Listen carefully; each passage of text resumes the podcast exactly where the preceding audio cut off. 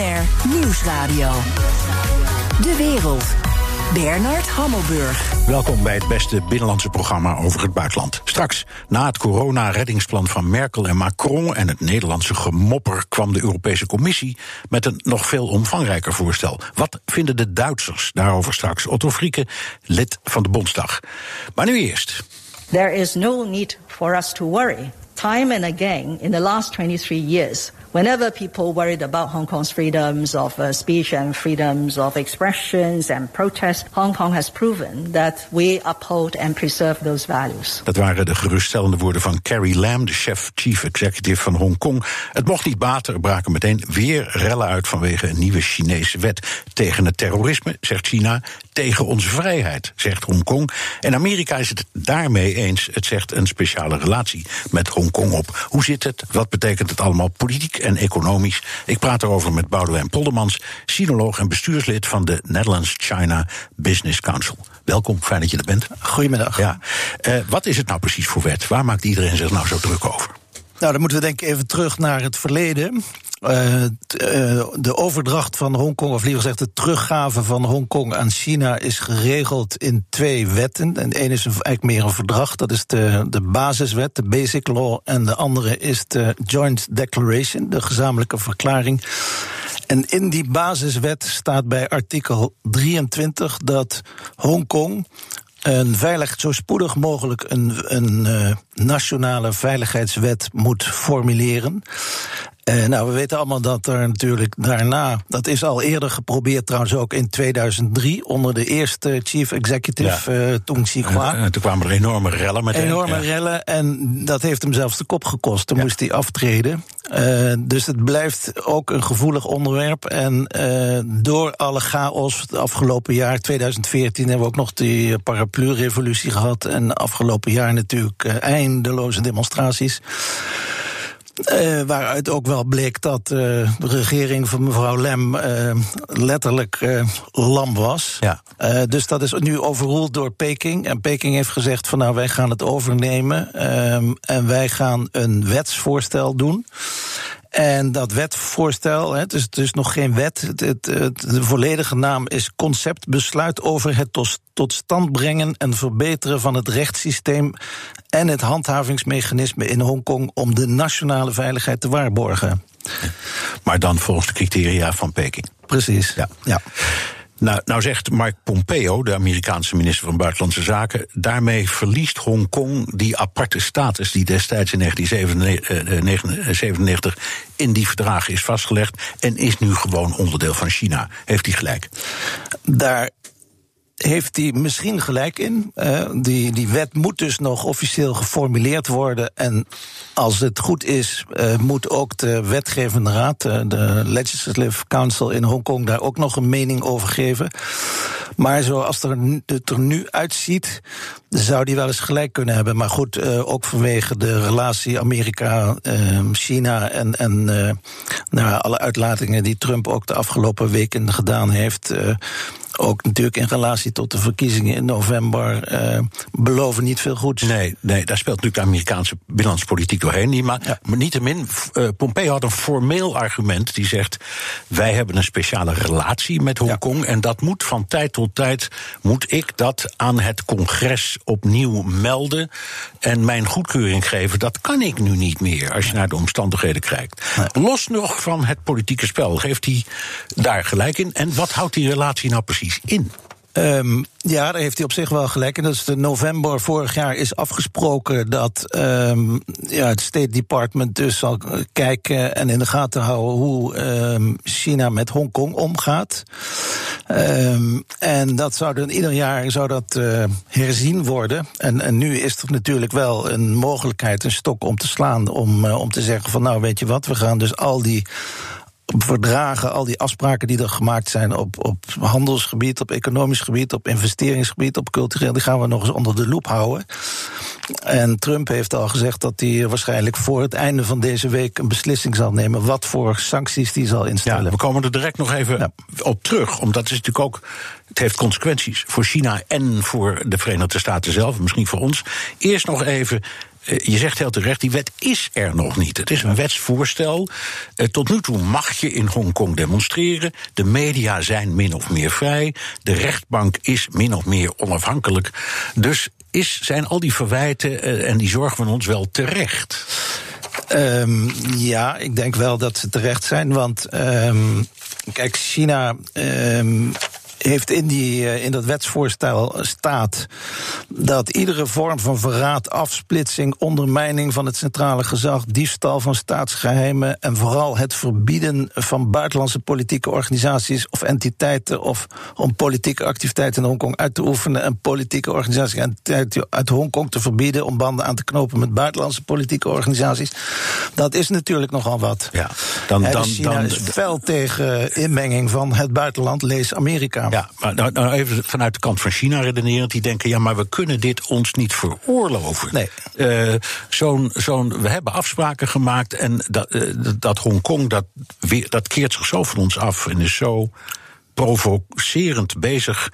Uh, daar moeten we op een bepaald moment een stokje voor steken. Nou, daar hebben ze op zich natuurlijk wel gelijk in. En daarin worden ze ook ondersteund door uh, het bedrijfsleven in Hongkong. En uh, wordt het vandaag heeft meneer Li Ka-shing jarenlang de rijkste meest voorname Aziat, ook met hele grote invloed in Hongkong, gezegd van uh, jongens, even rustig zijn. Uh, dit valt, gaat uiteindelijk wel meevallen, maar we moeten echt ervoor zorgen nu dat die uh, demonstraties gewoon ophouden. Ja, dus is die maand tot kalmte. Ja. Uh, ook misschien door de politisering vanuit de Amerikaanse kant. Zeker. Ja.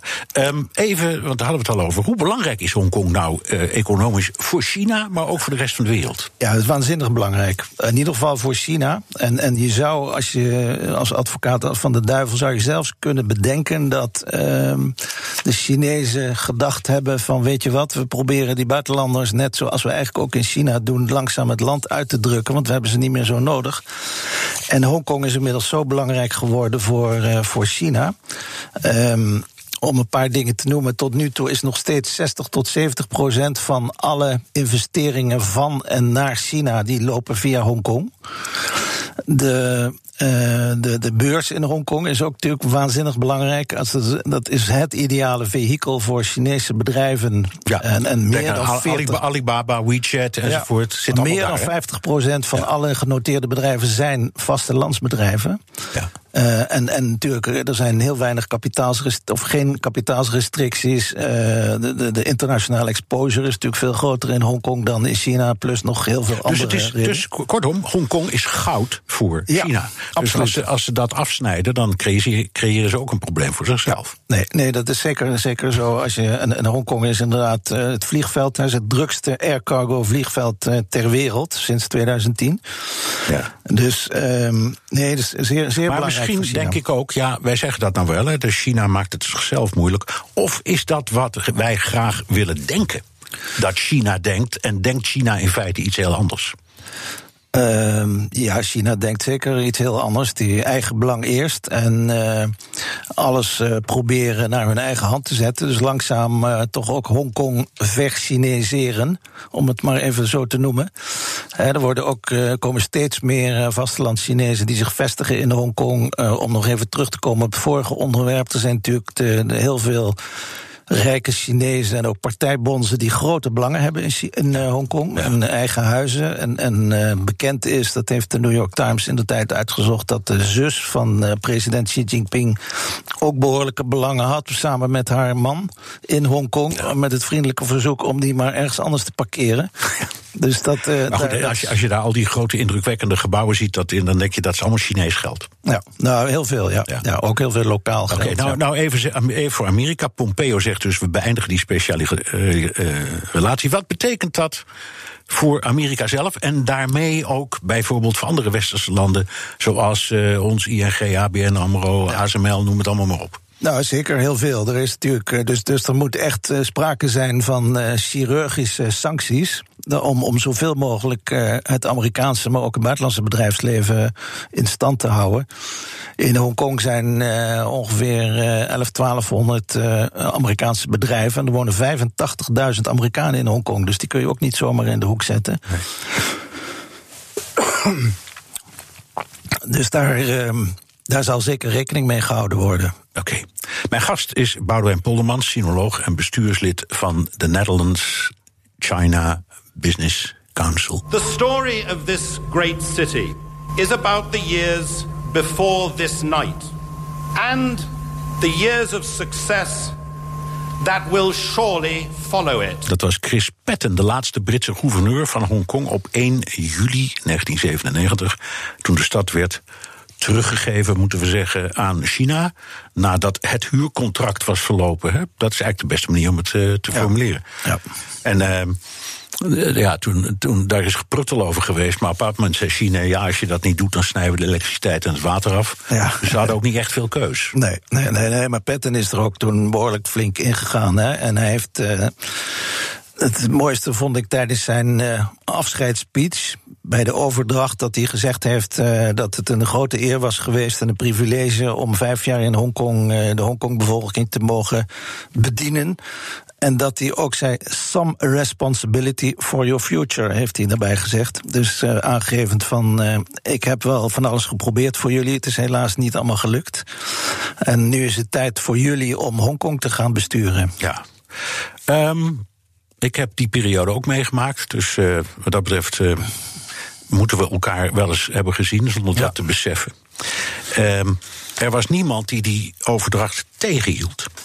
De Britten hadden dat huurcontract, dat verliep. Uh, Patton heeft gepiept, dat hielp niet. Um, de wereld keek toe. Um, hadden gouverneur Patton en de toen volgens mij net kerstverse premier Tony Blair niet een heel klein beetje hun best moeten doen? Of kun je het nog scherper zeggen en wat is wat we nu horen ook van Patton een beetje krokodillentraan? Ja, maar ze hebben, ze hebben volgens mij wel hun best gedaan. Ze hebben zelfs geprobeerd om op een of andere manier toch nog het Britse bestuur in stand te houden in Hongkong. Wat natuurlijk uh, ja, absoluut meteen afgeschoten is door uh, Peking.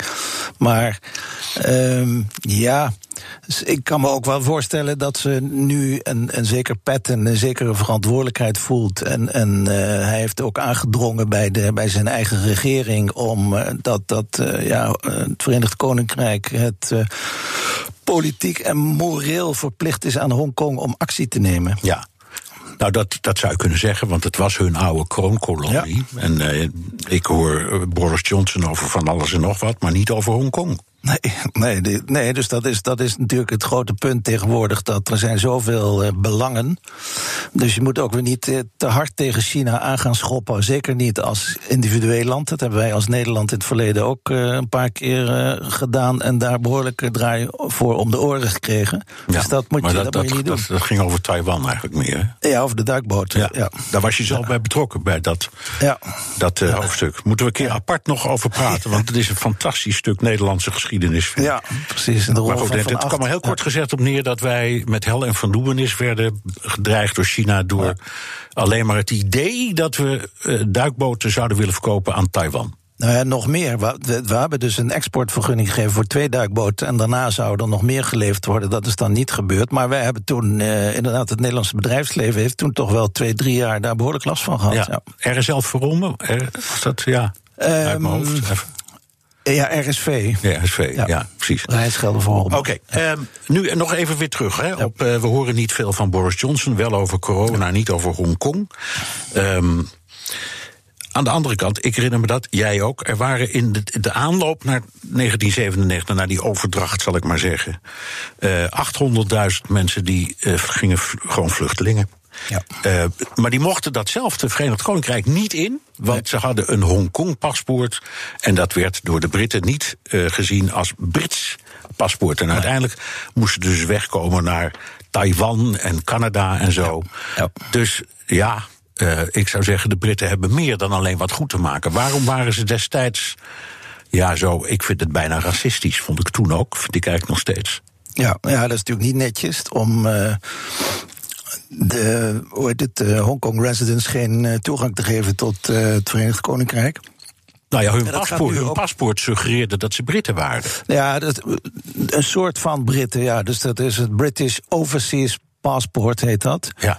Dus dat betekent dat ze wel um, dus het is dezelfde privilege hebben als, als uh, normale Britse paspoorthouders. Dus dat ze in een aantal landen geen visa hoeven aan te vragen. Maar niet, dat betekent niet dat ze zomaar uh, konden verkassen naar, uh, naar het Verenigd Koninkrijk. Nee, maar het Verenigd Koninkrijk had toen ook kunnen zeggen: weet je wat, in dit geval kan het gewoon wel. Ja. Ja, zeker. Dat hebben ze heel bewust niet gedaan. En de rest van de wereld, op Taiwan en Canada na, heeft eigenlijk ook niks gedaan. Nee, maar er zijn wel heel veel, dat weet ik uit de eigen ervaring bij ons op kantoor. Dus het hogere lokale management, die hebben we allemaal geholpen om uh, uh, te verkassen naar Canada, Australië en sommigen ook naar Amerika.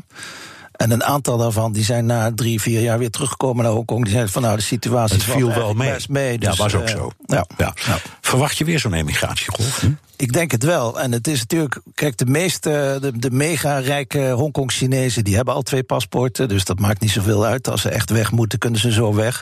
Waar zijn Maar- de meeste staatsburgers dan, behalve in Hongkong? Ja, dus ook in Canada. Ja. Maar ook in, eh, in 1967 heeft, is er ook een soort eh, communistische opstand geweest in Hongkong. Toen zijn er heel veel eh, neergestreken in Zuid-Amerika ook. En zelfs in Afrika. En daarnaast natuurlijk ook in de regio zelf.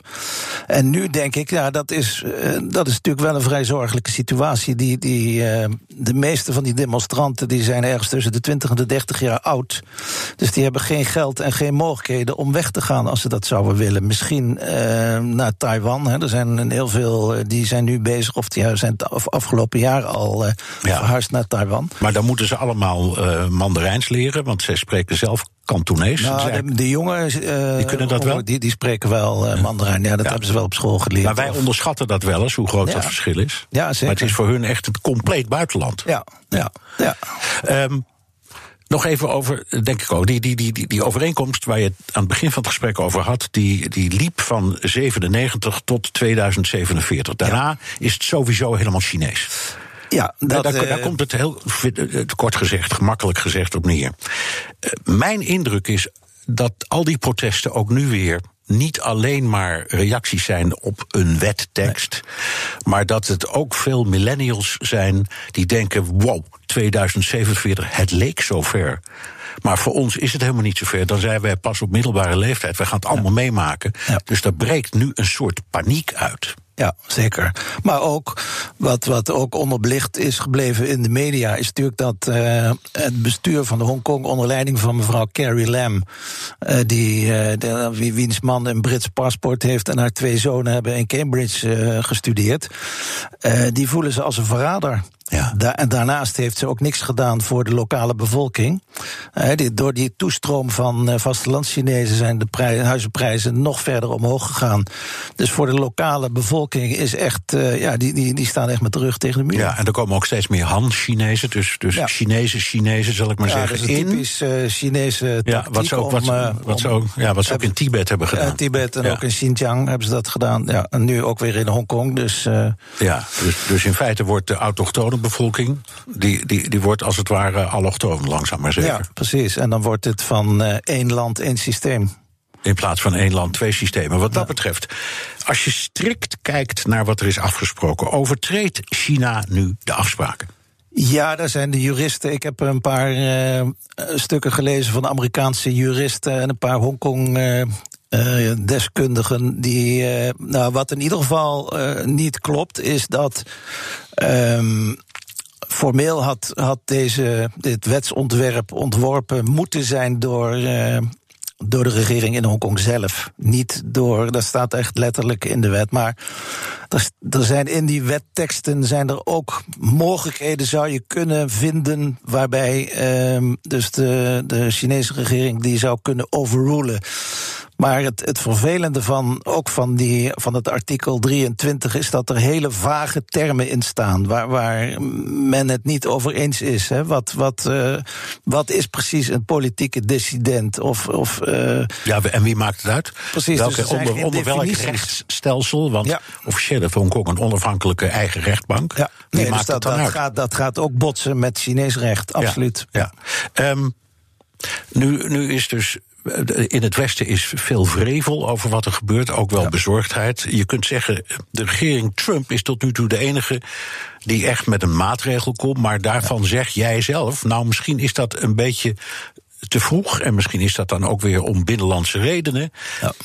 Wat zouden westerse landen, Nederland, de Europese Unie, uh, wat zouden we moeten doen eigenlijk in deze nou, de situatie? allereerste plaats, ja, daar kan Nederland dan niet zo'n uh, grote rol in spelen. Maar dit zou wel op de agenda van de G7-bijeenkomst, die tussen 10 en 12 juni, geloof ik, wordt die gehouden. Onder leiding van Amerika. Ja, ja. dus daar, daar, ik denk dat het daar wel op de agenda komt. En, en er zijn ook al uh, signalen geweest om uh, de, de Olympische Winterspelen in 2022 te boycotten.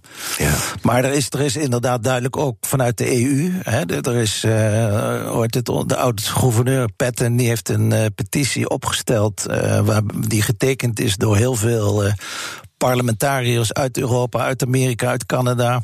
Overigens geen enkele Nederlandse handtekening staat eronder. Nee. Wel Belgische van Verhofstadt, maar... Maar geen Nederlandse? Nee, geen Nederlandse. Nee. Dus, Interesseert het ons niets? Of denken wij... Nou, ik denk dat we... Wij hebben onze les geleerd met die duikboten? Ja, van laten we dat nog voorlopig nog maar even niet doen. Ja. Oké, okay, maar het zou wel moeten. Wat, wat, wat is de boodschap dan? Want je kunt zeggen, de, de, on, ons protest is. Ja, de vraag is of het helemaal klopt. En of de, de, de, de rechtsgrondslag uh, ervoor aanwezig is. Ja. Wat moeten we doen? Kunnen we er iets mee bereiken? Ja, dat is natuurlijk de grote vraag. Wat natuurlijk wel zo is, is dat uh, in het verleden, dus tw tot twee keer toe bij demonstraties, het gelukt is door de lokale bevolking om bepaalde wetgeving uh, niet ja, door te laten gaan. 2003? Dus dat, dat, was in 2003 en. En nu vorig dus jaar? vorig jaar, 2019, ja. met die uitleveringswet. Dus, uh, maar ik denk niet dat China nog een keer door de knieën gaat. Nee. nee. nee. nee. Dus deze slag gaan we, als we ja. het met de Hongkong-Chinezen eens zijn, gewoon verliezen. Ja, precies. Maar goed, we moeten dus echt even afwachten hoe die definitieve wet eruit gaat ja. zien. Ja. ja, dus wat dat betreft lopen de Amerikanen wel een beetje voor de muziek uit. Ja. ja. Oké, okay, dank. Boudewijn Poldermans, sinoloog en bestuurslid van de Netherlands China Business Council. BNR Nieuwsradio. De wereld. Bernard Hammelburg. Lufthansa verzet zich met man en macht tegen de staatssteun van de eigen regering. 9 miljard euro, jawel. Waarom? Daar praat ik over met Europa-verslaggever Jesse Pinster. Jesse, uh, waarom blijft Lufthansa zich verzetten tegen hulp die ze duidelijk nodig ja, hebben? Nee, en het is ook niet niks, zeg, 9 miljard. Nee, maar ze hebben het ook wel hard nodig, want ze zijn 1 miljoen per uur aan het verliezen, zag ik in de Duitse media. Kijk, er ligt een pakket van uh, 9 miljard euro klaar.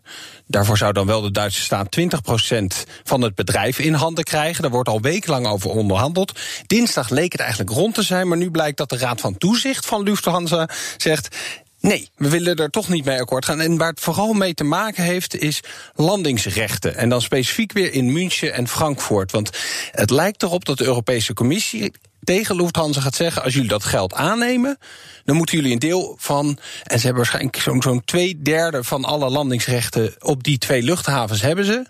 Die moeten jullie dan wel een beetje gaan inleveren. Niet allemaal, maar toch andere maatschappijen iets meer ruimte geven. Want ja, anders is het niet eerlijk. Nee, maar het is in Brussel. dat zijn hun thuisbasis, hun belangrijkste twee hubs. Ja, dus, dus dan kun je voorstellen als je, als je Lufthansa zegt, zeg je München of Frankfurt. Ja, en daarom ligt het zo gevoelig ja. ook natuurlijk. De Euro Europese Commissie heeft toch juist regels voor staatssteun overboord gezet. Nadat ja. de coronacrisis uitbrak. Uh, uh, ja, nee, dat hebben ze grotendeels gedaan. Maar zoals dat dan in Brussel uh, ook wel hoort, is er wel een heel pakket afgesproken. En dan, als je dan helemaal ergens bij punt 72 om precies uitkomt, dan blijkt er Echt toch. Punt 72 in dit geval. Punt 72, ja. dan blijkt er toch nog wel een zekere ja, voorwaarden aan te zitten. En ze zeggen dat ja, landen die dit doen, als ze dat op een grote schaal doen, dat hoeft niet de luchtvaart te zijn, kan, kan ieder bedrijf zijn. Dan hebben ze het over meer dan 250 miljoen uh, euro. Ja, dan moet je wel wat extra maatregelen nemen om te zorgen dat het, het, het level playing field, het gelijke speelveld in stand blijft. Zodat je niet hebt dat ja, Duitsland diepe zakken bedrijven kan helpen, maar bedrijven die misschien in diezelfde interne Europese markt zitten, die hulp van hun regering niet krijgen. Dat is de gedachte erachter. Het is ook een, een, een kritiekpunt vanuit de Ryanair bijvoorbeeld. O'Leary, de, de, de topman daarvan, die iedere keer klaagt, ja, dat is illegale staatssteun. Wat een beetje Nee, dubbel is, want uh, Ryanair die zet nog wel eens uh, kleinere vluchthavens beetje onder druk, zodat ze daar kunnen vliegen en dat ze daar wat voordelen aan halen. Maar goed, het is in de regeringskringen is dit echt een, een, ook een groot thema. Want Angela Merkel, de bondskanselier, heeft binnen haar eigen partij maandag gezegd, dat is uitgelekt. Van ja, we gaan hier ruzie over krijgen met Brussel. En ik zal zorgen dat dit niet gaat gebeuren. Ze had het over een zwaar gevecht. Dus weet je, de, de, de, gedachte is ook dat ze heel veel verbindingen met met, met name Noord-Amerika en Azië ja. dan kwijtraken. Want er worden die plekken ingepikt of ingenomen door locals airlines die uh, naar de vakantiebestemmingen ja. gaan, maar niet die lange vluchten. Nee, ik denk dan ook, ik denk dan ook zo'n luchtvaartmaatschappij valt een beetje door de mand, want die heeft natuurlijk een soort monopolie, laten we eerlijk zijn. Al ja. is het niet officieel. En nu zegt de Europese Unie heel terecht, ja, maar eigenlijk mag dat niet. Dus dit is een moment, artikel 72, mm -hmm. we zorgen dat dat niet meer gebeurt. Oké, okay. vraag. Geldt het ook voor de KLM? Raakt, raakt de KLM straks ook landingsrechten kwijt als ze hulp krijgen van de Nederlandse staat? Ja. Bijvoorbeeld op Schiphol. Ja, want die discussie loopt natuurlijk. We hebben even nagevraagd van hoeveel landingsrechten hebben zij eigenlijk op Schiphol. Nou, dat blijkt zo ongeveer de helft van alle uh, uh, landingsrechten te zijn. Maar er is een belangrijk verschil tussen de Duitse casus en de Nederlandse casus. Dat legt de Europese Commissie zo uit. There is a substantive difference in nature between public loans that have to be repaid and a company's recapitalization, where the state assumes a much higher risk. Ja, het verschil is dat KLM waarschijnlijk leningen krijgt. En wat ze in Duitsland doen, ik noem dat al heel even, ze nemen echt een aandeel. Ze krijgen 20% van dat bedrijf in handen. Dan zeggen ze in Brussel, ja, dan zit je er echt aan vast. Je neemt een veel groter risico. En dan gaan we toch echt andere andere eisen stellen. En ik ben ook teruggegaan naar de Air France casus. Want daar heeft de Europese Commissie aan die 7 miljard van de Franse staat die naar Air France gaat, hebben ze al goedgekeurd. Ik denk, dan zal daar toch misschien iets over die landingsrechten staan. Maar er staat dus niks. Geen artikel 72. Nee, want zij krijgen ook leningen. Nee, hier in Nederland gaan ook stemmen op om KLM te nationaliseren of een groot aandeel in te nemen. En dan, dan zou Brussel dus wel ingrijpen. Ja, dan zouden ze absoluut wel ingrijpen als we zouden doen wat bijvoorbeeld de vorige minister van Financiën suggereerde in het programma Buitenhof. Investeren in het aandelenkapitaal van het bedrijf, in dit geval Air France KLM. Ik zou zeggen samen met de Fransen, dan voorkom je uh, weer nieuwe conflicten. Uh, en de beste, de, het eerste sterkste argument daarvoor is dat de andere aandeelhouders, 70% van de aandelen zijn gewoon particuliere private beleggers in, in China of in de VS, die betalen dan mee. En daar heeft hij natuurlijk wel gelijk in. Maar hij heeft niet rekening gehouden met punt 72 van uh, de Europese Commissie. Wat ze in, in, in, wat was het, volgens mij begin mei hebben afgesproken. Ja, je zou dan wel eens toch een deel van die 50% van die landingsrechten die KLM op Schiphol heeft, moeten gaan inleveren. Ja, dankjewel. Europa-verslaggever Jesse Pinster. De Donald Show. Tijd voor een update uit de United States of Trump met onze correspondent in Washington, Jan Postma. Jan, Trump komt vandaag met een presidentieel decreet dat te maken heeft met social media. Wat is het laatste nieuws daarover? Nou, Bernard, we hebben nog steeds uh, geen details erover. Het is aangekondigd, maar wat erin staat, weten we nog niet helemaal. Maar er wordt hier en daar wel gespeculeerd dat het te maken heeft met een wet uit 1996. Eh, waarin bedrijven als Facebook en Twitter beschermd worden van uh, rechtszaken. En dan met name de rechtszaken over de content die via hen verspreid wordt. Het, het, Witte Huis die was al eerder met zo'n wet bezig, al, al veel langer zelfs. maar het kwam nooit tot iets concreets. Nou ja, dan, als het nu wel iets concreets wordt, dan ja, zou het dus zo kunnen zijn dat straks uh, boze conservatieve Amerikanen, Trump-supporters, die vinden dat social media eigenlijk te link zijn, dat die naar de rechter uh, kunnen stappen. Het klinkt uh, in ieder geval flinke oorlogstaal vanuit ja, dit huis. Het komt allemaal door een fact-check op een tweet van Trump.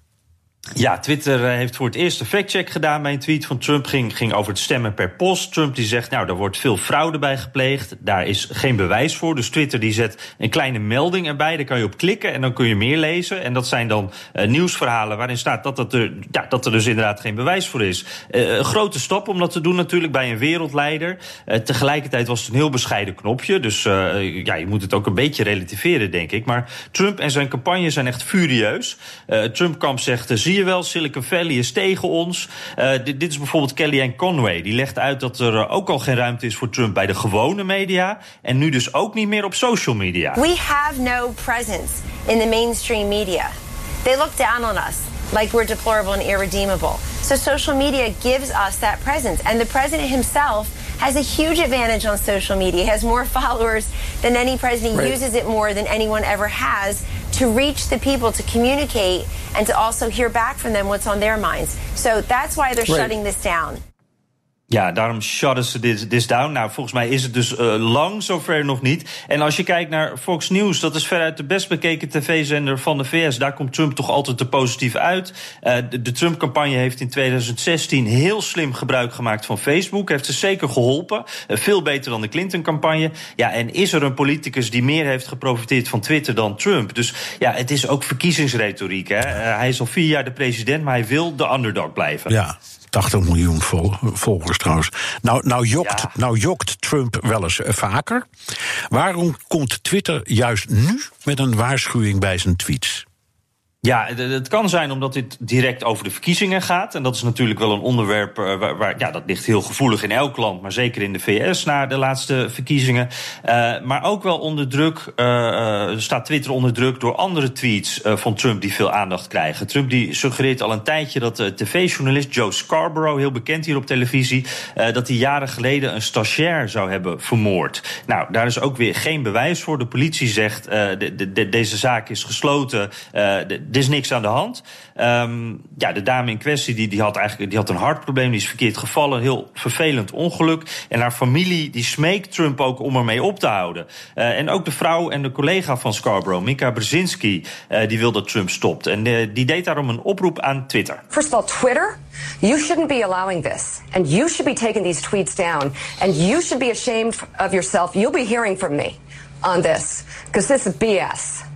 But Donald, you're a sick person. You're really a cruel, sick, disgusting person.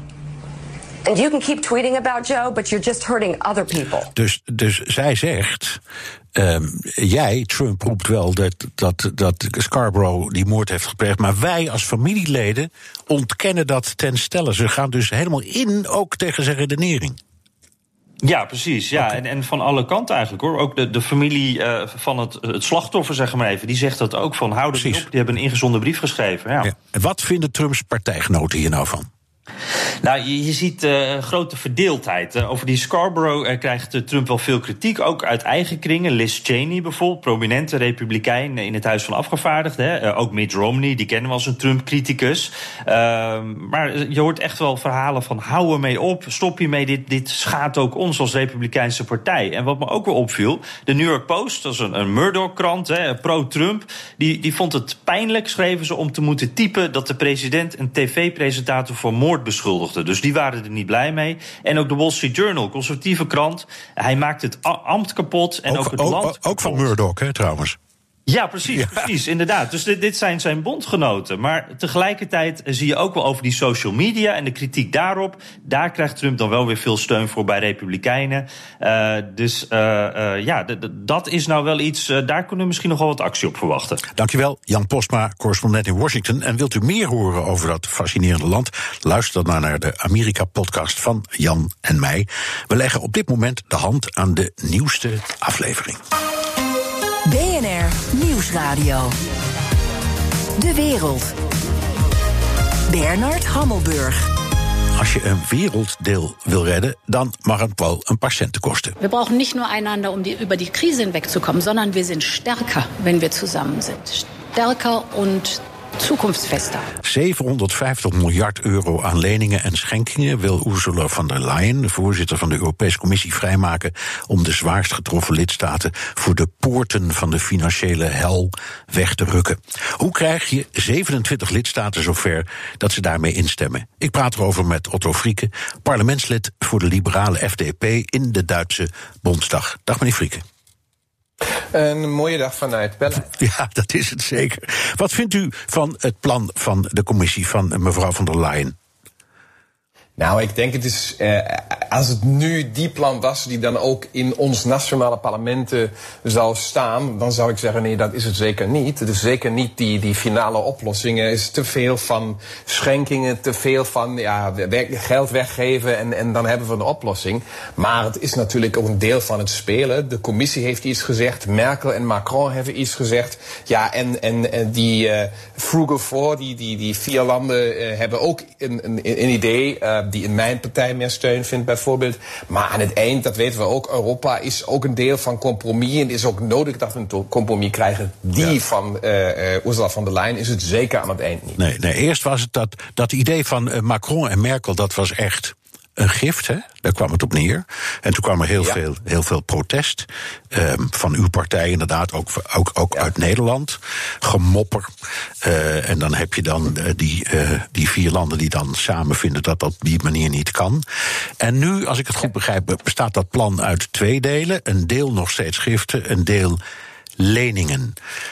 zegt u nu, dit is een opstap naar, of dit biedt een podium om verder te onderhandelen, maar hoe dan? Nou, zeker een podium verder te verhandelen, maar we moeten, we moeten wel realiseren.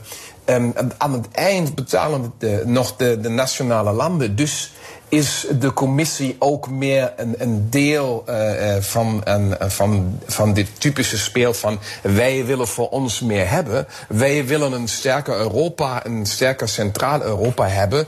Um, dat is, uh, ja, de begin is weliswaar één ding en dat moeten we realiseren. Um, de commissie heeft gezegd uh, dat als Europa niets doet, dan is het een, een schok, hoe hebben ze het gezegd, die, die, die zijn weerga niet kent. en, en, en dat een recessie dreigt. Dat klopt. Maar die vraag is dan alleen maar: in, in, is die oplossing dan steeds meer geld, meer geld, meer geld? Of is het niet, ja zeker, de sterkere moet ook in Europa de, de zwakere steunen en helpen. Maar het is aan het eind weliswaar een, een, een opdracht voor die zwakken ook te zeggen: hé, hey, niet dat het nog een, der, nog een derde keer gebeurt dat nee. ik help of hulp nodig heb. En daar zit het probleem wat we hebben. Ja, goed. Maar dan, dan moet je dus kiezen of combineren misschien. Mm -hmm. uh, subsidie, ja subsidies en giften. Ja.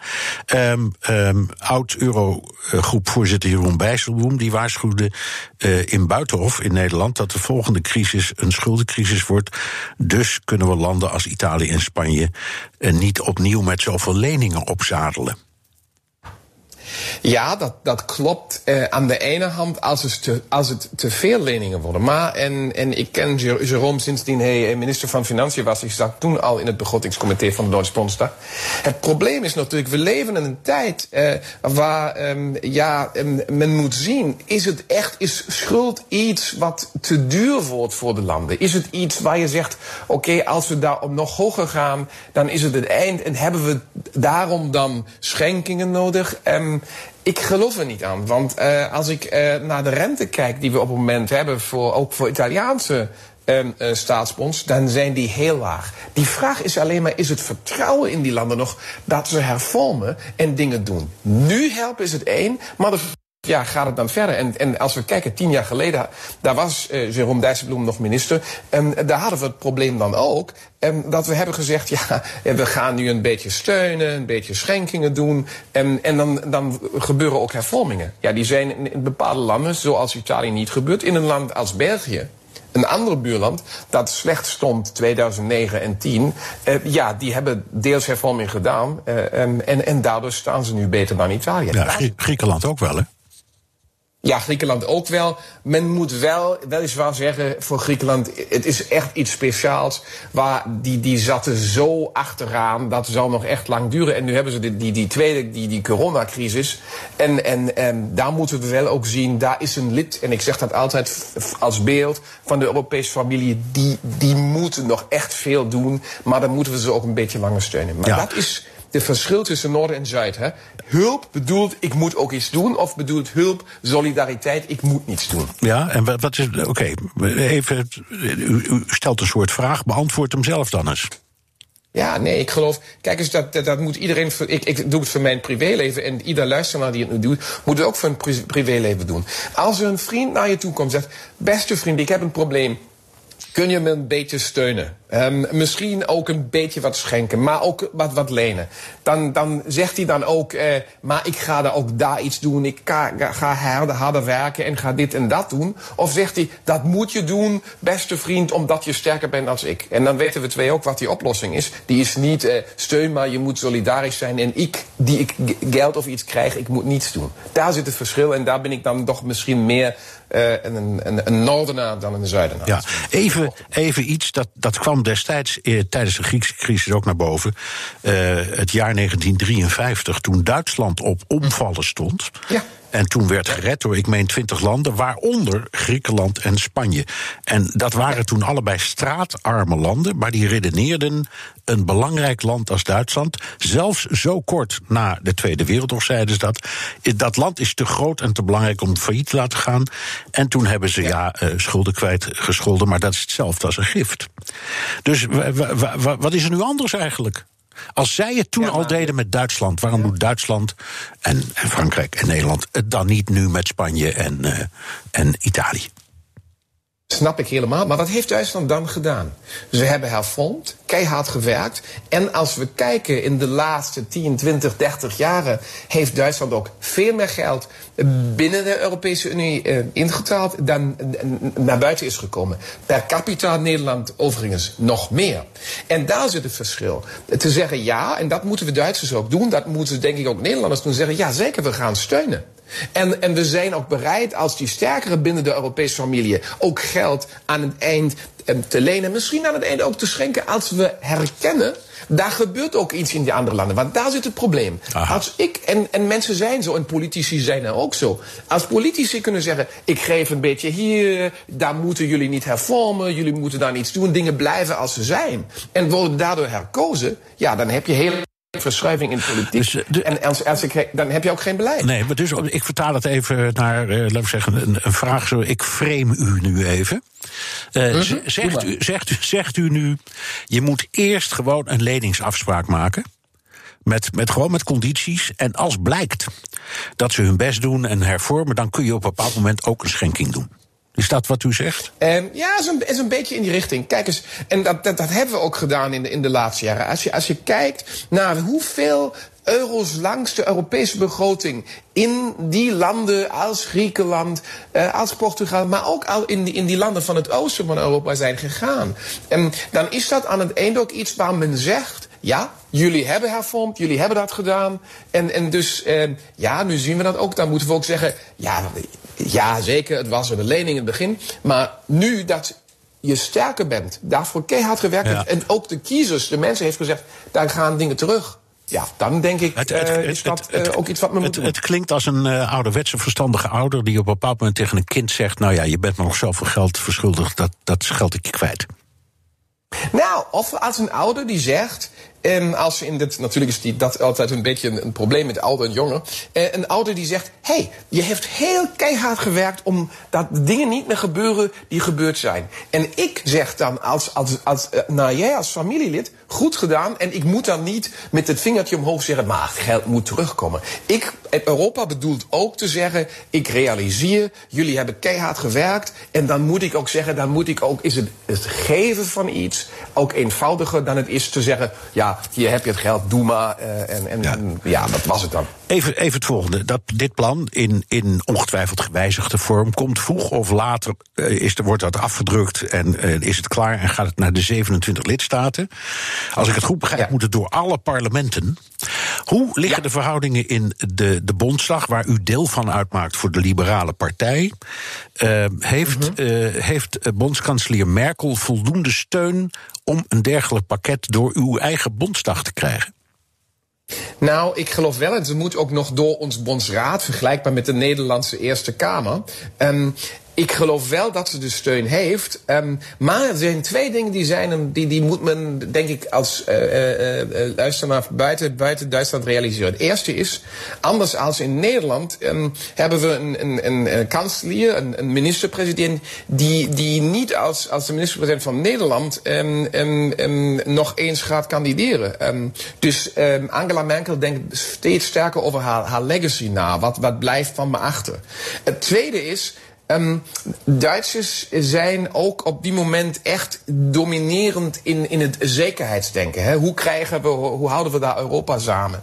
Dat gezegd, eh, er is tenminste een, meerderheid binnen de zogenoemde grote coalitie nodig. Die heeft ze dan wel. Er zijn weliswaar aan de rechtse kant, aan de rechtse vleugel van haar eigen partij, de CDU, vergelijkbaar met de CDA in Nederland, zijn er weliswaar eh, enkele die zeggen, daar ga ik niet meedoen. Maar toch is een meerderheid daar. Maar er is één probleem, en dat is ook een probleem dat zeker ook in, in Nederland eh, eh, realiseerd wordt. Als men langs een, deze soort van, ja, ik zou zeggen, begrotingsidee of financieringsidee het fundament van de financiering van Europa en de nationaalstaten verschuift, dan is dat ook een beetje wat van een weggeven van, van soevereiniteit. En dat bedoelt bij ons tenminste langs ons grondwet, daar is een tweederde meerderheid nodig. Die discussie die komt er nog, want, en dat weet je ook van de laatste weken, ons verfassingsgerechtshof heeft al gezegd... In Karlsruhe, eh, ja, die zijn streng. Ja. In Karlsruhe moet je, moet Ja. je echt opletten.